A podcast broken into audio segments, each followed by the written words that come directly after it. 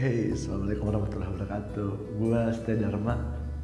Dan ini episode pertama gue di Filsafai Filosofi So Tau Gue mau ngebahas salah satu keresahan Yang kayaknya ya Hampir setiap hari kita jumpain cuy.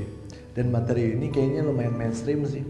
Udah banyak orang yang ngebahas soal ini Dan gue mau mencoba gitu Mau mencoba melihat masalah ini dengan perspektif kacamata gue sendiri gitu. Karena gue baru ngalamin hari ini juga. Ya hari ini sih. Karena ini gue bikin jam setengah satu lewat 10 menit 00.40 dan kejadiannya tadi siang sekitar jam satuan lah jam makan siang gitu. Jadi ceritanya tadi siang itu gue kelaparan gitu kan. Karena gue nggak sarapan gue kelaparan pas bangun tidur wah gue mau makan lah gitu. Gue makan antri di salah satu restoran masakan padang gitu. Dan lumayan rame. Lumayan rame gitu kayak gue mau antri sembako. Ada satu banjar ke belakang ada satu banjar ke belakang gitu. Tiba-tiba di tengah antrian gue itu gue udah antri sekitar 10 menitan gitu. 10 menit sampai 15 menitan. Di tengah antrian tiba-tiba ada bapak-bapak datang cuy. Dari belakang set langsung nyalip paling depan. Itu gue masih di tengah tuh belum sampai paling depan. Dia nyelip set. Bapak-bapak umur ya 30-an 30-40 tahun lah. Anaknya masih kecil soalnya. 30 atau 40 tahunan dengan senang hati gitu kan dia ngelewatin antrian kita la la la la la la la la la la. Dan dia ngomong gini sih mas saya duluan dong saya lapar banget nih. Nggak apa-apa kan? Enteng banget rahangnya. Pengen banget gue gendor tulang iganya sebenarnya. Cuman kayak yang ya udahlah gitu. Capek sebenarnya nasihatin orang-orang kayak gini atau gue mau coba ngedebatin gitu kan. Malas aja gitu malas. Nggak penting. Tapi bikin emosi. Tapi bikin emosi. Nah pas kejadian tadi siang gue langsung yang berpikir aja gitu kenapa ya?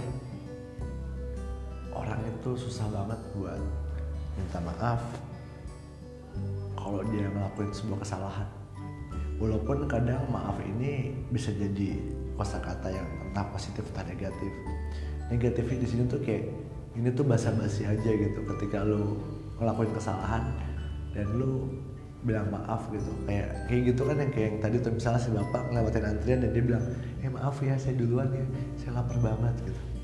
Kayak bukan maaf yang sesungguhnya makna maaf gitu. Karena ini orang semua antri juga kelaparan sama kayak dia. Emang kita antri ini mau ngapain? Kalau nggak makan cuy mau ngapain gitu. Antri rental PS gitu. Kan enggak. Makanya kadang orang ini perilakunya nggak ke filter gitu. Walaupun ketika udah ngomong maaf tinggal kewajiban kita aja sih buat memaafkan. Kenapa sih gue bilang kewajiban? Ya kenapa enggak? Kita memaafkan setiap kesalahan orang. Memaafkan itu bukan berarti lu bisa ngelupain semua kejadian nih ya. Dan memaafkan itu bukan berarti harus di waktu yang singkat. Kadang kan kita butuh waktu ya udah nanti deh. Ketika gue udah bisa berkompromi sama diri gue gue bakal maafin gitu. Bisa kayak gitu. Cuman masalah waktu kalau misalnya lu harus maafin seseorang. Dan ini prinsip hidup gue aja sih kalau memaafkan itu sebuah kewajiban. Tapi entah kapan gue maafinnya kayak gitu. Dan itu sesuatu hal yang menyenangkan sebenarnya. Kayak kalau misalkan ada salah dan ini sering sih terjadi di tongkrongan gue jadi kalau gue lagi kerja gue lagi kerja gue sama temen gue gitu kan. Lagi tandeman tektokan gitu kan. Tiba-tiba kita senggol-senggolan udah sama-sama tensinya tinggi. Tensinya udah sama-sama tinggi. Tinggal ngomong aja gitu kayak niat uh, sorry ya. Kalau tadi kayaknya gue kelewatan deh. Tadi emang salah gue sorry ya. Dan itu kayak ya udah gitu kayak. Kayak dalam dalam waktu ya beberapa detik bibirnya naik gitu. Senyum sih walaupun kadang senyumnya sempat kadang senyumnya emang murni dari hatinya dia gitu. Tapi seenggaknya gue jadi orang yang bisa jadi trigger buat dia tersenyum hari ini gitu. Lumayan kan? Ketika orang lain seneng gara-gara kita. Dan itu gak bikin kita jadi miskin gak bikin kita jadi orang yang murahan gak bikin kita kayak sosok yang merugi gitu karena kita minta maaf atau kita mengakui kesalahan kita depan orang lain. Dan gak akan nurunin pride lu juga. Ya it's okay kan sebenarnya. Cuman beberapa dari kita kayak yang gengsi gitu loh emosionalnya nggak bisa menerima gitu. Emosional gue nggak bisa dia gue gengsi banget. Harusnya dia yang minta maaf sama gue bukan gue gitu terlalu sering ngedebatin gitu. Karena apa ya? Itu kayak sebuah kebiasaan gitu. Lo mungkin setiap hari nongkrong sama teman-teman lo ego lo dikasih makan terus. Jadi lo yang salah teman-teman lo yang minta maaf. Dan lo jadi terbiasa buat mandang semua orang itu kayak sama gitu.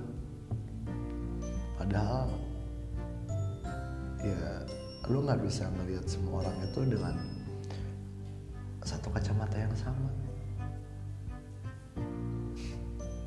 Dan lo yang meratain semua orang dengan experience yang lo punya ya. Ya temen lah gitu. Setiap orang itu beda-beda. Manusia itu subjektif sih. Dan di sisi lain selain minta maaf tuh kayak hal sepele nih yang sering terjadi di tongkrongan gitu kan kayak misalnya lu lagi mau ngerokok dan korek lu itu ada di meja sebelah gitu lebih dekat sama temen lu. Terus lu mau, mau ngambil korek gitu kan. Kadang lu suka bilang gini kan ke temen lu eh nyat ambilin korek dong gua mau ngerokok. Untuk beberapa orang ya oke. Okay. karena mungkin lu udah intim banget udah dekat sama dia dan nggak jadi masalah. Tapi ketika itu orang baru lo ngelakuin hal yang sama gitu. Eh, sorry dong ambilin korek. Kayaknya itu bisa lebih menyenangkan dia sih karena dia kayak dapat sedikit rasa dihargain sama lo atau enggak lo bisa ngomong eh tolong dong ambilin korek. Dengan senang hati diambilin lo sedikit sopan doang sih bukan berarti lo kaku nggak juga. Karena di tongkrongan nggak selalu kayak gitu juga. Cuma ketika dia jauh lebih tua dibanding lu ketika dia orang yang baru ketemu sama lu dan lu ngelakuin hal itu ya mungkin lu main menyenangkan aja. Menyenangkan aja cuma bilang tolong doang kok. Tolong dong ambilin. Kayak asik aja. Ketika lu bisa menghargai seseorang orang lain itu pasti bisa jauh lebih menghargai lu gitu tapi kalau konteksnya ditolong sih gua rasa kalau di, di di sekitar gua di tongkrongan gua hal kayak gini masih berlaku sih. Masih berlaku. Kayak eh tolong dong ambilin dong gitu. Kayak gitu-gitu masih suka sih. Nggak yang serta merta wah lu bisa nabung ke semua orang sama rata. Enggak sih. Mungkin karena umur kali ya.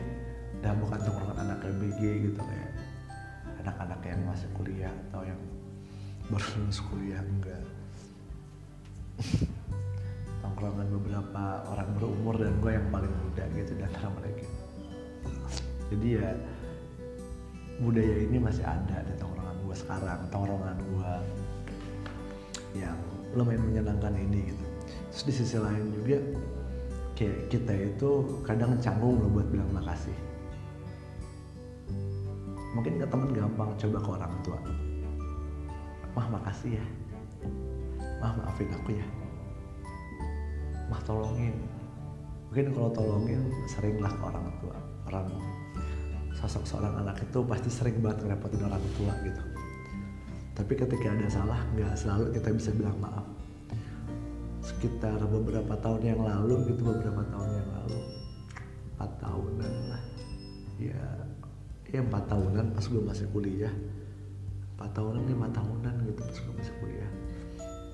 Lupa gue jadi gue waktu itu pernah bikin salah sama nyokap gue dan di situ kayak gue ngerasa bersalah banget gitu nyakitin perasaan nyokap gue sampai gue sempet kabur gitu cuy di rumah cuy. Culun lah pokoknya gue culun banget. Karena gue malas kalau gue balik pasti cuma diocehin doang. Sampai kayak suatu ketika gue mikir sendiri gitu kayak gue nggak bisa nih gini terus nih. Kayak bisa gitu. Bukan soal gue udah kehabisan duit gitu. Kalau kalau gue pulang itu karena kehabisan duit enggak juga sih. Karena ternyata dikejar sambil salah itu jauh lebih tidak menyenangkan cuy. Dibanding lu nggak bisa makan. Karena ketika lo dikejar sambil salah tuh kayak lo mau ngapa-ngapain gak enak. Kalau lo nggak punya duit lo bisa minjem. Lo nggak punya duit lo bisa minta tolong sama teman-teman deket lo cuman kalau lo dikejar dosa lo gitu apalagi sama orang tua. Dan lo tipe orang yang susah banget buat minta maaf kalau hidup lo cuy. Selamat hidup di kegelisahan aja. Nah.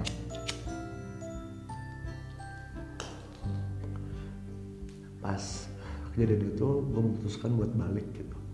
Karena gue waktu itu cuma sekitar 3 tiga empat hari gitu. Karena gue tuh sebenarnya anaknya yang gak terlalu mau ngelawan menurut gue durhaka sama orang tua itu nggak bikin lo jadi anak yang keren. Enggak sih. Cuman pas ketika itu gue ngelawan orang tua gue dan nyokap gue marah banget. Gue kepikiran lagi di rumah teman gue ujungnya gue balik. Dan gue ngeberaniin diri buat balik mah maafin. Dan gue nyium ke nyokap gue dan buat lo yang belum pernah ngerasain kayak lo harus cobain men asli. Kayak ini perasaan ternikmat selama lo hidup sih. Serius kayak wah gila gitu. Gila. Nyokap gue sampai nangis dan gue nggak tahu sih buat anak se nggak jelas gue gitu anak yang seberantakan gue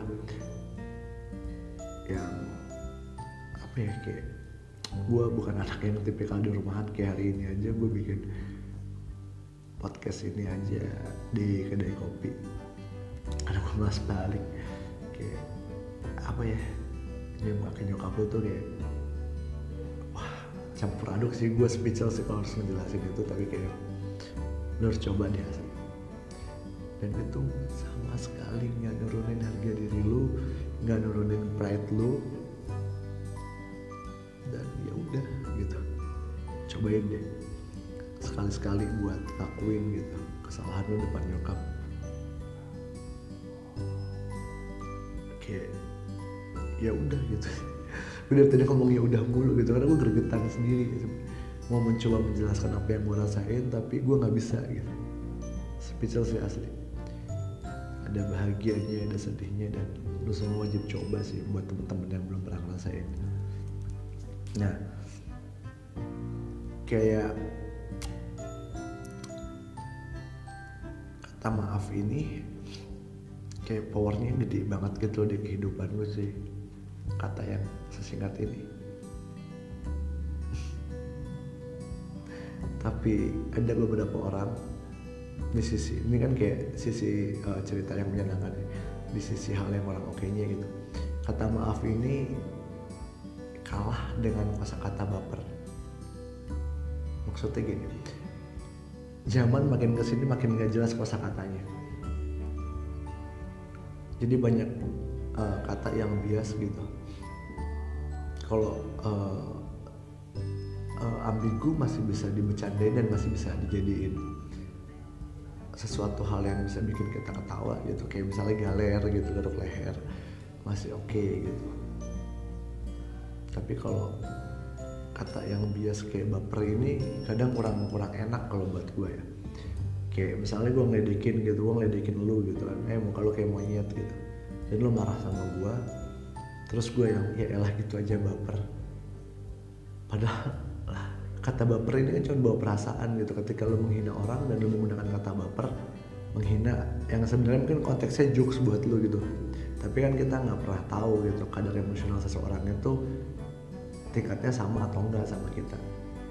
Dan kita menggunakan kata baper ini buat ngedefense dan kita kayak lari dari masalah kita gitu loh padahal kita yang bikin permasalahan.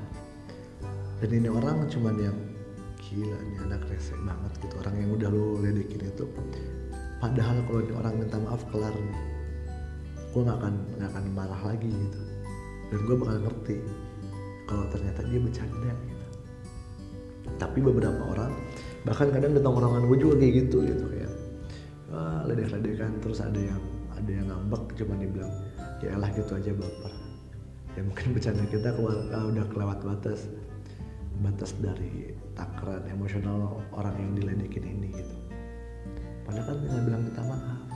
Kenapa sih bisa ada kata baper bawa perasaan? Egois banget gitu kita. Nyamaratain semua orang. Di sisi baper itu kan kayak bawa perasaan yang bisa diartikan kayak emosional yang wah gue suka sama lu gitu. Tapi ya bahasanya menurut gue kayak nggak gentle aja. Kayaknya aku baper deh sama kamu. Gue bingung nih bapernya dia kesinggung atau dia baper yang suka sama gue kenapa sih yang ngomong tinggal aku tuh sayang sama kamu aku tuh cinta sama kamu aku tuh mau bla bla bla bla whatever itu itu kayak lebih gentle aja. Ya dan kocak aja. Kebiasaan kita setelah dibantuin sama orang nggak pernah bilang makasih.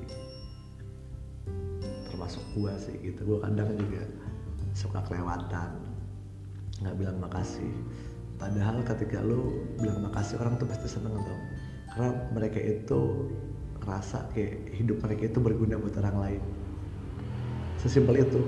Kayak lo misalnya habis uh, belanja di swalayan gitu ada tukang parkir terus lo ngasih duit sama kartis dan teman makasih ya. Iya sama-sama. Dia senyum. Senyum yang mungkin di alam bawah sadarnya kayak eh, ternyata kayak gini ya gitu. Mungkin dia nggak sadar aja gitu. Power dari kata terima kasih ini bisa bikin orang lain tuh jadi happy karena ngerasa dirinya itu berguna buat orang lain. Dan kayaknya omongan gue udah kepanjangan. Dan gue udah ngebahas poin yang lumayan random gitu acak adut nggak apa-apa lah ya episode pertama ini.